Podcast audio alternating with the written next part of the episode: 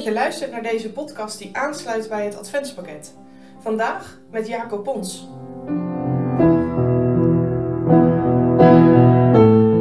Vandaag doen we de Bijbel open in het Oude Testament bij de profetieën van Jesaja, hoofdstuk 7, vers 10 tot en met 16. De beloofde zaligmaker. En de Heere voer voort te spreken tot Agas, zeggende: Eis u een teken van de Heere uw God ijs beneden in de diepte of ijs boven uit de hoogte? Maar Agas zei: Ik zal het niet eisen en ik zal de Heer niet verzoeken. Toen zei hij: Hoort gij lieden nu, gij huis van David, is het u te weinig dat gij de mensen moe maakt? Dat gij ook mijn God moe maakt? Daarom zal de Heer zelf u een teken geven. Zie, een maagd zal zwanger worden en zij zal een zoon baren en zijn naam Immanuel heten. Boter en honing zal hij eten totdat hij weet te verwerpen het kwade en te verkiezen het goede. Zeker.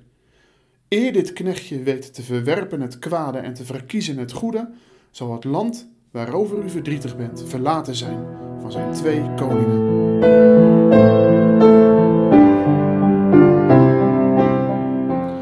Waar is God? Die vraag wordt regelmatig gesteld, vooral als er moeilijke dingen gebeuren. Denk maar aan de holocaust of grote natuurrampen. Maar ook in het klein.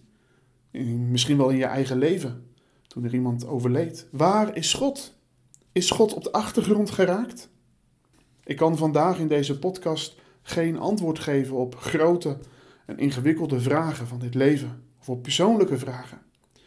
En toch klinkt er vandaag vanuit Jesaja 7 een indringende boodschap. Want God is niet verdwenen. God is niet naar de achtergrond gedrongen. God is er. Hij staat midden in jou en mijn leven. In de tijd van Jezaja leek het net of dat niemand nog iets verwachtte van de Heer. Je kon je afvragen, waar was God, de God van David? Israël is verdeeld. Het koninkrijk van David en Salomo is in twee stukken gescheurd. Dat is al erg genoeg. Maar nu staan deze twee rijken ook nog eens lijnrecht tegenover elkaar. Ze voeren oorlog tegen elkaar. Je zou kunnen zeggen dat de verhouding tussen deze twee broedervolken is gedaald tot een ijskoud dieptepunt.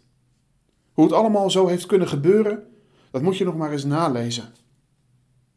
Maar in het tweestammenrijk, in Juda, regeert Agas. En hij gaat compleet zijn eigen weg. Het komt zelfs niet in hem op dat hij de Heere om hulp kan vragen. Nee, van God kun je niks verwachten, volgens koning Agas. Ik denk dat het hem ook wel goed uitkwam overigens. Want ik denk dat hij helemaal niet zit te wachten op een boodschap van de Heer.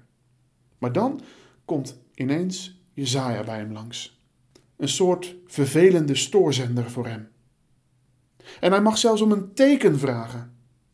Hij zit er niet op te wachten. Hij wil zich niet op andere gedachten laten brengen.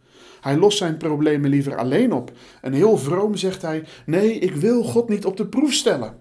En eigenlijk bedoelt hij: waar bemoeit God zich mee? Agas heeft God naar de achtergrond verdwenen. Het lukt ook wel zonder de Heere. Waar is God? Nou, de Heere laat zichzelf wel zien. Want te midden van een koning met zijn volk wat de Heere niet verwacht, komt God zelf met een teken. Agas, of je het nu wil of niet, maar je zult een teken krijgen. Je zult weten dat ik de levende ben. Dat ik midden in je leven aanwezig ben. De Heer laat zich niet tegenhouden. Over het hoe en wat van de boodschap, daar ga ik nu maar verder aan voorbij. En hoe die profetie vervuld is. Maar uiteindelijk is dit ook een profetie van de komende Messias. Ook al gingen er honderden jaren voorbij voordat Maria zwanger werd.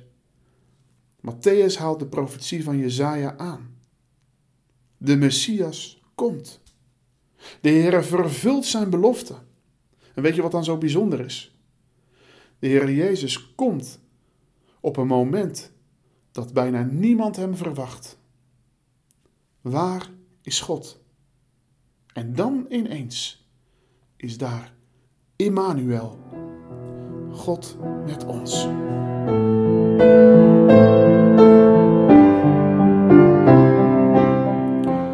Je kunt ervan op aan dat de Heer zijn woorden vervult. Dat is een zekerheid. Leef jij met het besef dat deze God realiteit is? Verwacht je alles van Hem? Zeggen dat je Hem verwacht, dat is niet zo moeilijk. Maar dat zal ook zichtbaar worden in dat wat je doet. Waar is God in jouw leven? Staat Hij in het middelpunt?